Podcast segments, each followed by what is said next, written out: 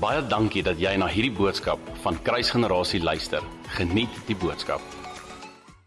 Um, so this evening, I'm gonna I want to share a, message. It's kind of like two messages. Well, it's actually three messages that I'm kind of gonna like like snip a little bit and just make it like one. Um, my wife asked me like, "What's the title of this one?" I was like, "I don't have a title. It's like a mixture of a group of things." So it's like, "There's no title for this message. You can just say there's no title." Um, but I, I, I feel like a part of tonight, my, my desire is I'm going to kind of like make three points and I'm going to pull it together at the end. Is that um, we would understand God's love for us, we would understand the permission we have to respond to that love, and then we would understand why we do it. Right? Because I think that I said this this morning that in Afrikaans culture, one of our biggest hindrances is this lie of moderation. I, I, I don't know why. It's like, it's, like a, it's like a virtue. Dis iets om na te jaag as jy gematig is. Okay? And I just want to say this. If you're moderate in anything in life, you'll never succeed at it. You'll just be moderate at it. Okay? So I, I, I feel like a part of our calling as Fire and Fragrance Ministry, and part of my calling as Gabriel, is to give people permission to be obsessed with Jesus. To give people permission to be so wholeheartedly in response to Him that other people will get a little bit uncomfortable around you. Right? And, and, and, and, and all of us find fullness in fullness. We don't find fullness in our life in moderation. Right? You don't find fulfillment when you live with a handbrake on. You find fulfillment when the handbrake is off and you're going in the right direction. Right? Like, I, I, there's this one man named Viktor Frankl, is this very famous psychologist. Um, he was a, uh, he was a, um, a Jew that was in the concentration camps in Germany, uh, in Germany, in Auschwitz. And um, he wrote this book called Man's Search for Meaning. It's an exceptionally good book. If you want to, you should read it. It's like a thin little book. And um, he, he made this, this funny, or not this funny, he made this very interesting observation. And he, his observation is this is that happiness is like success. The more you go after it, the less you'll achieve it. So, the only place to find true happiness and true success is to love somebody other than yourself and live for something outside of yourself. Right? And the way that he saw that is he saw that, like in the concentration camp, the people who would die first are the ones who would not share food. The ones who would live the longest is the ones who will give away their last food. They would take off their coat in the winter, give it to other people. Like they were the ones that lived the longest. And he said that there's something inherently in our design by God to love other things than ourselves and to live for something greater than my own life. And, and so many times in, in, in, in, in the Western secular culture, you're told to love only yourself and what only what loves you, and to live for the thing that makes you big. And the Christian walk with God is actually the exact opposite. It says, hey, like if you love you, you'll die. If you love you first, right? You should love you second. You shouldn't you should not hate yourself, please. That's unhealthy. But I believe that tonight, like there's something about this that the Lord wants to break open for us. I'm going to go to Song of Songs, Song of Solomon 8, verse 6. Okay? And um, I'm going to quickly say something about this. and we're going to jump around. We're going to go to three different verses today. Um, have you guys preached on Song of Song 8? Not yet. Okay. So I have, sorry, I just always ask because I don't know how much background I should give. So Song of Songs, Song of Solomon, is um, it can be interpreted two different ways. It can be interpreted as this love relationship between Solomon and the Shulamite bride, right? Like this amazing love story. But there's an allegorical interpretation of this as well that is between Christ and the church. And if you understand that this speaks prophetically about Christ and the church, this book, Song of Solomon, gives you insight to God's desire, like I believe no other book does. Right? No other book so speaks of the desire of God to love you like Song of Songs, Song of Solomon. Like this is an epic book if you want to understand the desire and the zeal for God's for, of God's love towards us. So in this part here, I want to read it, and it talks about this love that the bride that the bridegroom has for the bride. So it talks about the love that Jesus has for us. Right? And, and a lot of times we, we, we live our lives as Christians from a place of I love you. Right? And I want to tell you, your best love is weak. The most zealous love you can have is weak. And if you've been saved long enough, you'll agree with me. If you're honest with yourself, you'll agree with me. But His love is not weak. And the revelation of His love to us should far outweigh the revelation of my love to Him. Because if you do not understand that love is this, 1 John 4 10, that He first loved you, gave His life as atonement for your sin, what you will do is you'll always try to prove your love when He already knows that your love won't prove anything. That He gave it all first. And my life is only a response to what He gives. So, Psalm, Psalm 8 6, it says this. I'm going to read it and I'm going to unpack it and we're going to jump on. We're going to go on. Set me as a seal upon your heart, as a seal upon your arm. For love is as strong as death, its jealousy is as fierce as the grave. It, it flashes are flashes of fire, the very flame of the Lord. Many waters cannot quench this love, neither can floods drown it. Epic piece of scripture. If you want to meditate on something for years, meditate on this. It says this it says that put his love, say his. Okay, not your love. Your love is weak, doesn't help you. Okay? Put his love as a seal on your heart and put His love as a seal on your arm. Why your heart and your arm? Because you need to allow His love for you to dictate your desires and to dictate your actions. Put it as a seal. His love, what He's done for you, make it a mark upon your desires. Make it a mark upon your actions that you understand how much He has loved you. Then it says, This love is as fierce as the grave, unyielding as the grave. Now, I want to know how many times has the grave given back what it took?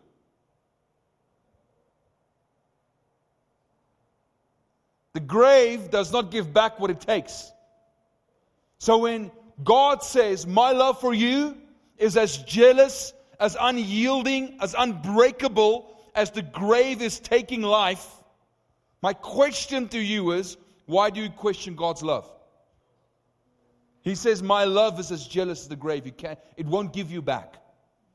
I won't give you back. Unless you say you want to go back.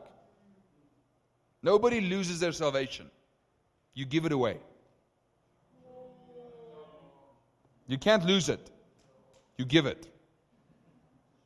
So God says here, hey, as long as you say, help, my love, got you. Your weak love, my got you. It's important that we understand this because, again, in the age we're living in, if you don't understand how strong the love of the Father is, you'll be swayed easily.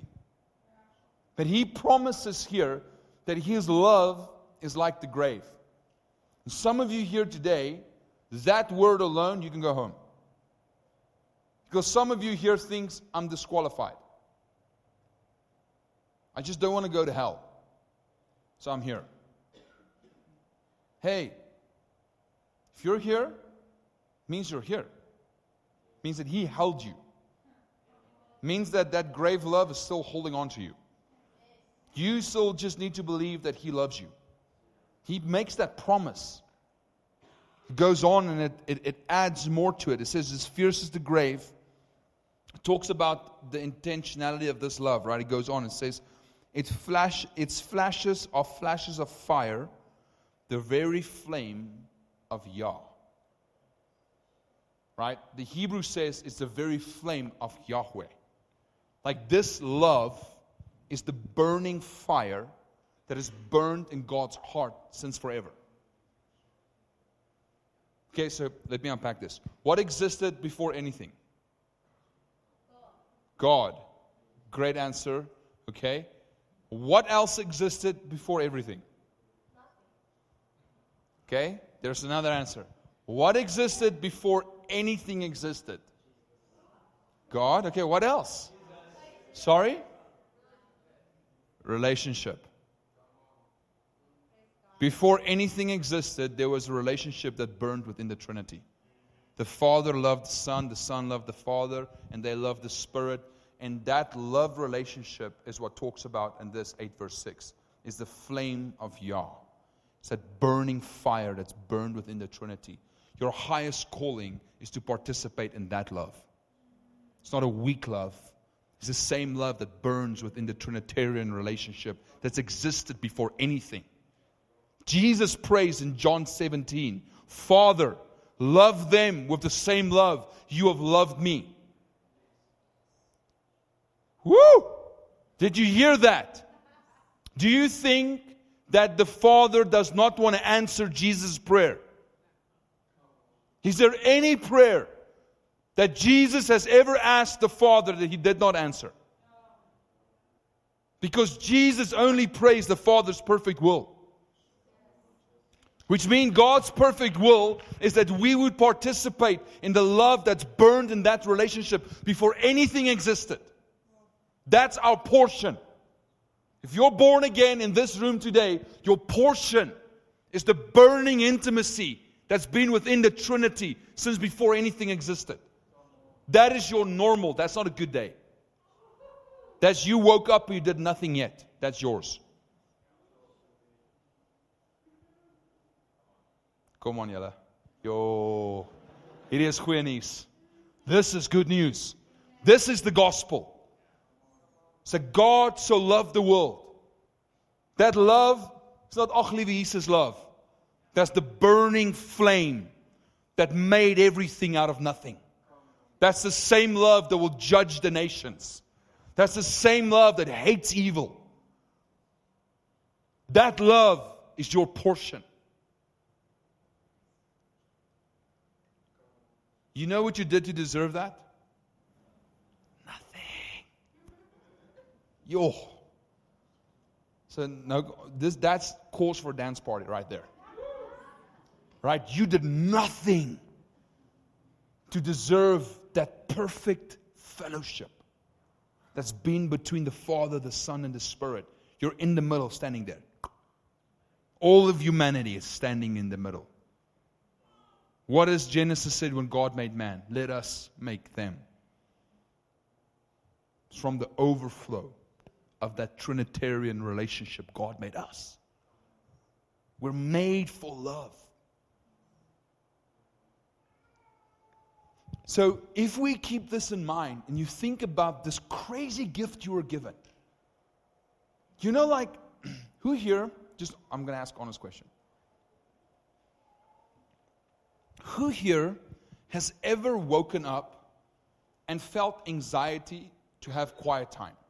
Or a feeling of anxiousness to have quiet time. Who's ever felt that? I can literally like, right? because the thought is, I need to do something to be pleasing to God. You know, like that's the stupidest thought you could ever. That's like Satan speaking to you. That's like a demon whispering to you. You know, like when I wake up and I feel a sense of anxiety, I go like this.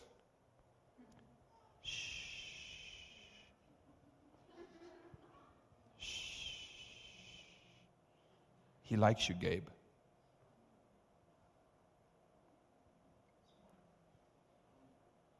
Doesn't just love you, he likes you. Before you have quiet time, before you pray, there's a fire burning in him for you. He loves you. Do you know how easy quiet time is then? Because I'm not, I, I am not doing something to receive. I've already have it. I'm living in response to love, not to get love. If you understand what is your portion as a Christian, quiet time changes, worship changes. Because it's never to get something, it's in response to what has been given. So that's the first portion tonight. Okay, so put it in a box here. Okay, we're going to go to the second portion now. So go to 1 Corinthians. It's gonna, this is going to feel like a whiplash, but trust me, we're going somewhere. 1 Corinthians 9, 24. Okay, so for those of you who don't know this, I used to be a professional rugby player before I got saved. Okay? And so um, I, I, I, gained about 25 kgs in two years um, because I had to get bigger, and I never used steroids, don't worry. Right? And um, it, was, it was pretty wild. And I was just mega focused. Right? I was 16. I had to gain a ton of weight. And then I went like, I'll do it. Right? I want to be a Springbok one day. And so I just like ate way too much like ate like I remember like I I ate 10,000 calories a day. It's, it's really gross, right? and but but when I was 19 years old, I weighed 114 and I benched 200 and I back squat 340 and like I could do my job, right? And um, I remember like before I after I started playing professional, the conditioning coaches always had the skinny guys work out with me because they know that I can help them to get big. Right? And the reason why is not because I knew better than con- the conditioning coach. That's, that's not why they had them work out with me. the reason they had them work out with me because I used to be skinny, and I'm not. I knew the cost of changing. I, I knew the cost of being one way and spending years to become another way.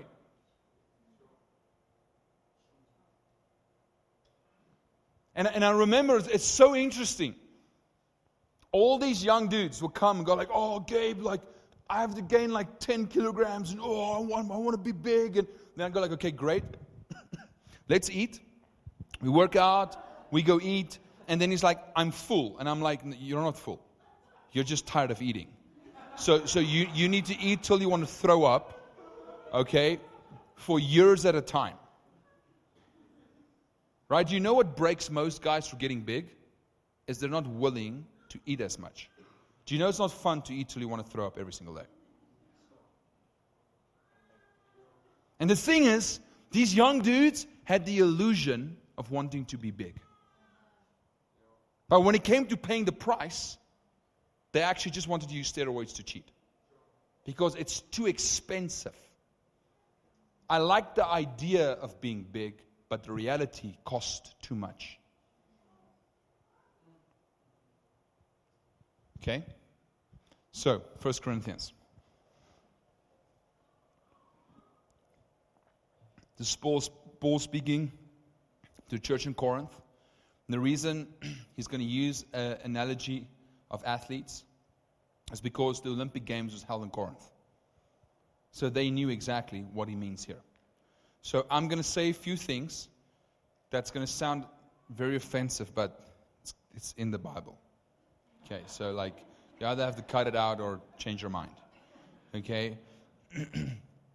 now, can you earn God's love? Okay, wait, that took way too long. Okay, whew, okay. The answer is no. Okay? Can you earn God's love? Are you sure? Are you really sure? Okay. Because if you're not sure, I can't talk about this because you're going to get legalistic. Okay? You need to hear you can't earn God's love. Ever. 1 Corinthians 9:24. Going to read it and I'll pack it again. Do you not know that in a race all the runners run, but only one receives a prize? So run that you might obtain it. Every athlete exercises self control in all things. They do it to receive a perishable crown, but you the imperishable. So I do not run aimlessly. I do not box as one beating the air, but I discipline my body and keep it under control, that after I preached to others, I myself might not be disqualified. Epic piece of scripture. Epic piece of scripture. Okay? Now, this is also a very, very, very, very costly piece of scripture if you get it. So, if, if you want to be lukewarm, you need to leave the room right now. right? Because if you hear this, you can never say, I did not know. I'm actually pretty serious if I say this. Rather leave the room. So here's the thing Paul here says, in a race, all the runners run. Okay, that's why you're a runner, Paul. You don't run to ice skate. Okay? So, whenever something is in the Bible and it seems like it's stating an overly obvious point, it means you don't understand what he's saying. Okay? So, Paul is saying, in, an, in, an, in the race, all the runners run. Paul is saying, in our race, all of us run. Then he says, but only one obtains the prize. Nee, Paulus. We all get a prize. Then he goes like, so run that you might obtain it. Interesting. Isn't that strange? He, he, he, he, he, he, goes and he, he compares our Christian walk with an Olympic athlete. Now, I, I know the price you pay to be a professional athlete. You need to be obsessed. Otherwise, you will not even get past a year. Moderation doesn't even get your foot in the door. People who want moderation plays high school rugby. Okay, so Paul goes like, let me explain to you the level of dedication this walk requires. You know all those Olympic athletes? You see all of them who run. They all have trained. All of them run. But only one receives a prize. In the same way, I want all of you to know in the church that all of you are Christians. But there is a difference in your inter- at your end goal of how you run now. Paul makes a distinction here. He says, hey, you all can participate, but run as if you actually understand you're getting something. He goes on, then he says, these athletes have self control in some things, right? Only when they have good training days. No, no, no. They have self control in all things. And they do it to get a perishable crown, something that will be taken away. Then he flips it back to you and he goes, You, the imperishable. So he's saying an athlete that says no to all of this food, to all of this drink, to all of this late nights, early mornings, they do, they, they, they hurt themselves. I know the price. They do it for something that will disappear one day. You live for something that you will pay the price for eternity for. Moderation is your greatest enemy. Then Paul goes on and he says, Hey, here's the thing, guys. I have an aim. I do not beat in the air aimlessly as a boxer beating nothing. No, no, no. I aim at something. I aim at something. I'm going to say that again. I aim at something. So that after I've preached to others, I myself will not be disqualified. So now, now the question is here what does Paul aim at? Does he aim at perfection? What? Does he aim at being a robot? What does Paul aim at? So it's a pretty great question, right? And Paul gives us the answer of what he aims at. We just need to read the Bible.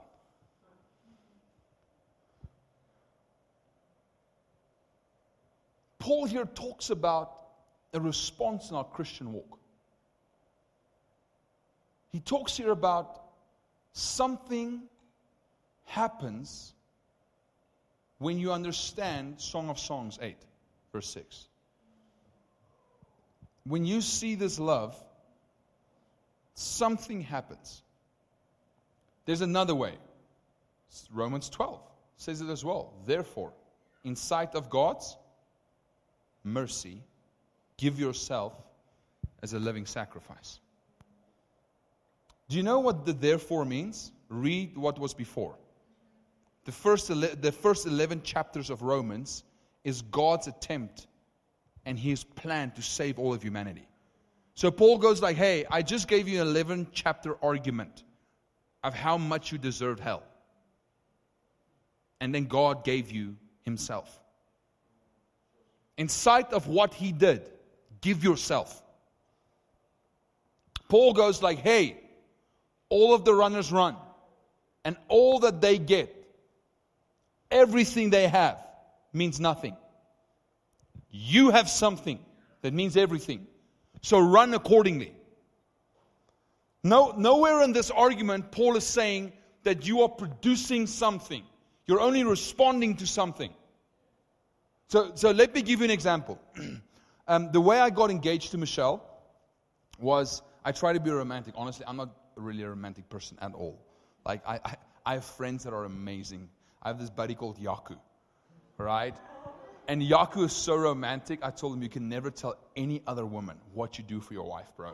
Like you'll get stoned by the men. Like it's like he writes her like poems every week. Like it's it's it's wild. It's it's honestly a little bit scary.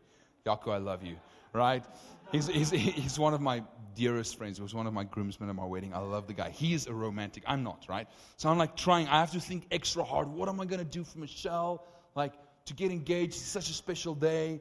And so what I did was I, I, I, I blindfolded her, took her to this place. There's like a little hill, um, put her on my back, and I like walked up this mountain, right? And put her down. And then I had this, this, this, this, this poem called The Road Less Traveled. If you ever read it, it's amazing. If you haven't, you should Google it tonight and read it. It's about going the road less traveled. I, read her the poem, and I said to her, The same way that you blindfolded was on my back up a mountain, I am blindfolded on the back of Jesus up a mountain. The same way I follow him, will you follow me? Then I, the 1 Corinthians 14 thing, faith, hope, love, love remains to the end went on my knees and said, like, will you be my wife? Will you marry me? And, and, and, and imagine like I was like here, right? And Michelle is standing, right, looking at me and she goes like, wow, honey, this is a great view.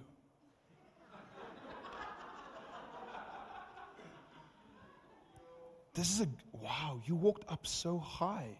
Your legs must be tired.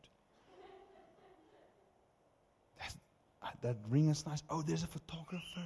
Hello, Janine.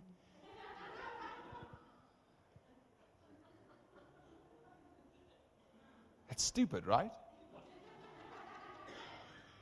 You, you know, like, like Jesus died on a cross, right? And he said, Hey, will you be mine? And I go like, wow, the cross was intense.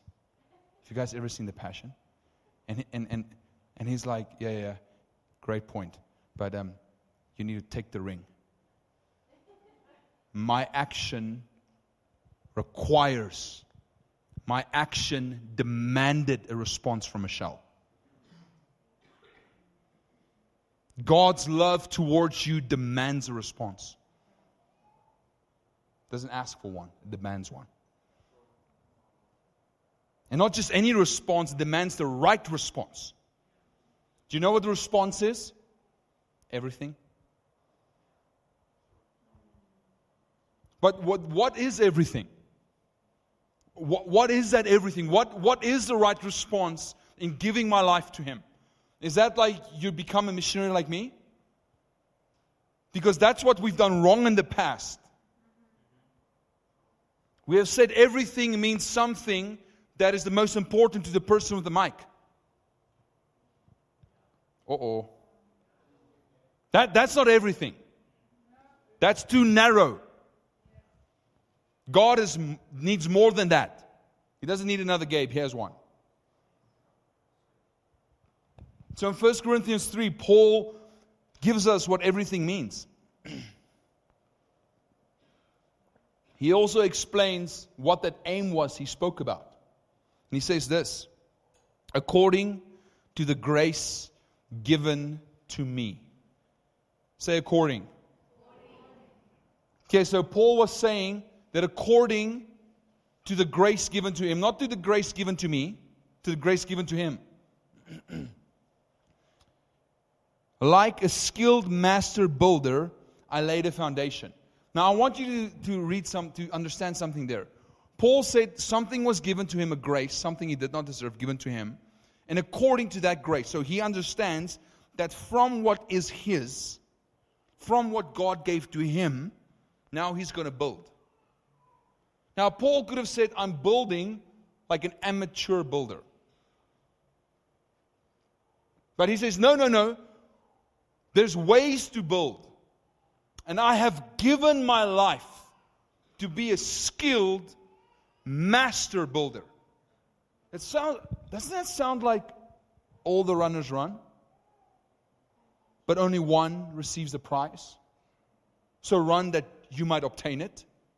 It seems to me that in biblical language, you're saved, but how you live makes a difference.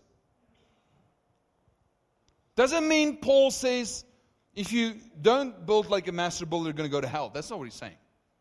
You're saved, you're born again. But there's something in your response to the love that, that produces something. You guys with me? Everybody with me? Okay. So he goes on and he says, he does the same thing. You remember athlete, and we're all like thinking about athletes, and it's like, oh, you're the athlete. And he goes like self control, the whole thing, it's your self control. He, he plays this game the whole time. And here he goes, he says, according to the grace given to me, like a skilled master builder, I laid a foundation, and someone else building upon it. Then look what he does. Sneaky Paul. Verse 11, or verse 10, he says, Let each one take care of how he builds. So he goes like, I'm a builder, I have grace, I build like a skilled builder. Now you take careful how you build. So he kind of like tricks you in. It's like you're in the story about how Paul builds and like, oh, he's such a good builder. He's like, so how are you going to build? Then he goes on and he says, For no one can lay a foundation other than which is laid, which is Christ Jesus. So what does that mean? It just means that you did not save you. What you're building is not your salvation. You're building on top of your salvation. The foundation, which is your salvation in Jesus, is done. It's there. It's His love for you. Song of Songs 8 6. It's done. It's laid. God loves you. He likes you. Done. It's not a conversation ever again. If you do not believe God loves you, you should get saved. God loves you. Done. You cannot make yourself get more of that. It's a fact. It's like this table is here. God's love for you is there. Okay, so it goes on. It says, Now, if anyone builds on the foundation with gold, silver, and precious stones. So you see, he says, if you then do an action again and you build with precious things, he goes on, he says, wood, hay, or straw, each one's work, say work. Each one's work, say work, will become manifest on the day, say day. That word day in most of your Bibles is a capital D. Because it's a great day. It's the day when Jesus comes back and judges all of us. And he then goes on here and he says, The day will disclose it because it will be revealed by fire. And fire will test what sort of work. Say, sort of work. Each one has done. Isn't that interesting? So it matters how you run, it matters how you build, and it matters how you work.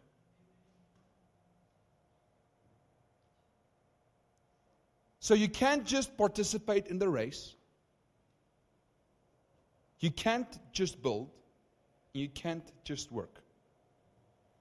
But according to the grace that was given to you, you run according to your ability, you build according to your ability, and you work according to your ability. Do you know what's scary about that? Only you know.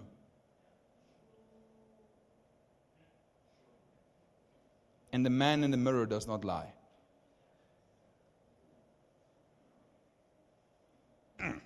I told you, if you want to stay lukewarm, you need to leave. And now the question is why would it matter how I build?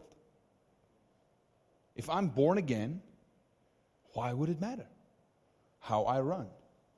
If I'm born again and I have access to that love, Gabe, why does it matter how I work? Why? And Paul goes on here and he says, And the day it will be disclosed by fire if the work that anyone has built on the foundation survives, he will receive a reward.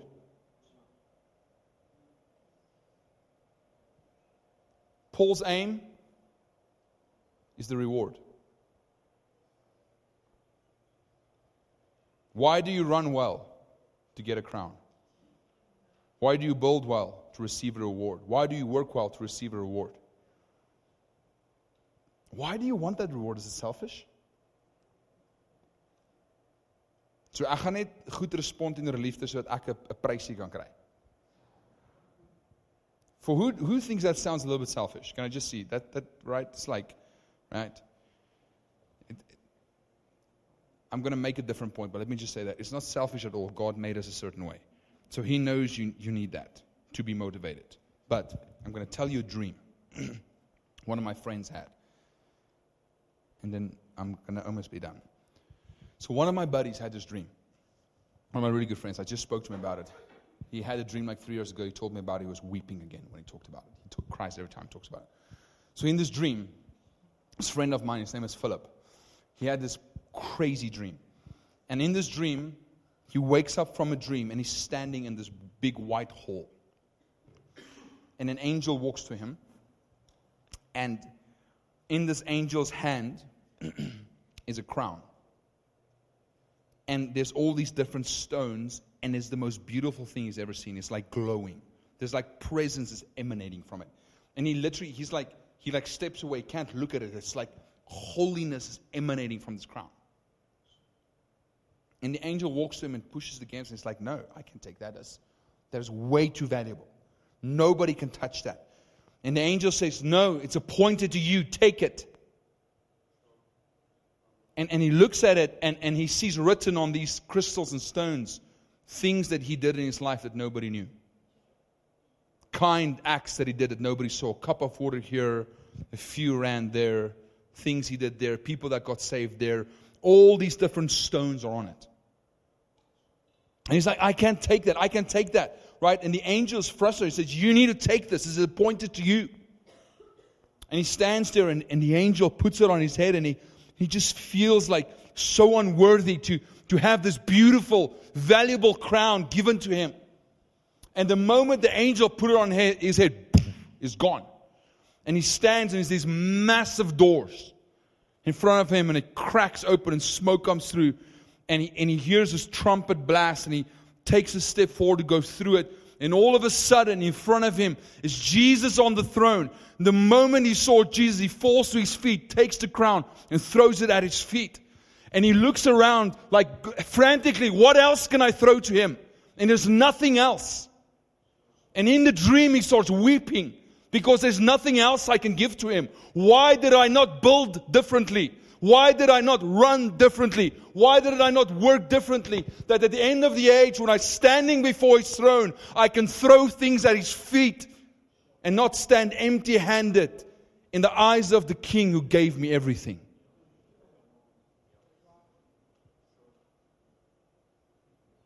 That is Paul's aim. That is the Christian walk.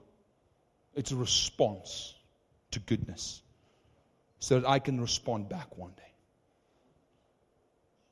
Think about that day when you can give Him something. When you can give Him something. You can say, Jesus, you gave me everything. You, you gave me everything. Here's what I want to give you 80 years of a love response, 80 years of a thank you. 80 years of I love you back. 80 years of my weak love tried its best to build faithfully. Do you know like how that building looks? It looks like the grace that was given to you doing what God requires of you. You know, like God will never ask my wife, Michelle, if she did what I did. God's never going to ask Kimberly or Koea if they did what I did. He's going to walk up to me and say, Buddy, according to the grace I gave you, what did you do? What, what, what was your response when I stood there? You know, he wasn't on his knee, he was on the cross. That was his proposal. This evening, my message to you is the following Be obsessed. Be obsessed. Give too much. Give too much to Jesus. You'll never, ever regret giving too much to Him. Right? Do you know, do you know what, what is so funny, right? In high school, my friends made fun of me because I trained so hard. It's, it's Afrikaans thing, tall poppy syndrome, right? Whenever somebody gets really good at something, you need to cut them down. Do you know, this is hilarious, right? So, oh, Gabe, like they made fun of my groot kosblik. I had a kosblik this big at high school, right? With a bag and like 10, 40 in class, right? It doesn't matter if I have class, I'll walk out. I'm going to make my shake, drink it, eat my broikies. And my friends would make fun of me, right? Do you know what's hilarious? When I stayed, played professional and we had VIP access to everything, their same friends were like, hey, can you get us in? It was so funny to me, right? I said, yes, of course, I'm a good guy, right? And so the reason I'm saying that is because what happens sometimes is that your obsession produces opposition. Because your yes to Jesus reveals somebody else's no. You know why my high school friends were upset? It's because they weren't willing to pay the price. And so many times, South African or Afrikaans moderation comes from the place actually not of self control, but the fear of man. Because if I'm going to burn, it's going to show that you're not. So I'll just stay here and stay in my hoekie, op my plek. Because if I do anything else, I might get backlash. But I want to tell you, far be it from us to fear man above God. Far be it from us to fear finite human beings above the uncreated God of the universe, who became man so you might know him. My encouragement my invitation to you today, tonight, in response to even this morning, is be obsessed. Right? Is anybody here an engineer? Does anybody here work on the mines? Who works on the mines? Anybody here? Raise your hands high. How does obsessive love for Jesus look in the mine? I'm not telling you, listen to me. I'm not telling you, hear me, I'm serious. I'm not telling you to quit your job. I'm telling you, what would your job look like if you see Jesus, those eyes of fire looking at you, and go like, hey, I made you to work in the mine. Can you do it as if you're doing it for me? God, God is not asking you to plant a church in the mine. That's his pastor's job. Well, he might lead people to Jesus in the mine. They might see some, but, but how does it look? Is there any teachers here? Onderwysers, Sigla and How would it look, right, if you're teaching those kids as if Jesus is asking you, would you do it for me? Then every single day he's in the classroom with you. Going like, thank you. Nobody sees that little one. I know everybody thinks they're naughty, but you see something else because I see something else. Is there any stay-at-home moms here? Can I see a raise of hands? Wag, wag, julle geen wys my hoog. Hou op, hou op. Okay. Imagine you stay at home every day looking after their children, loving them as if you're doing it for Him. And he goes like, "Hey, I don't need you to be something else. Be fully you." What would our nation look like?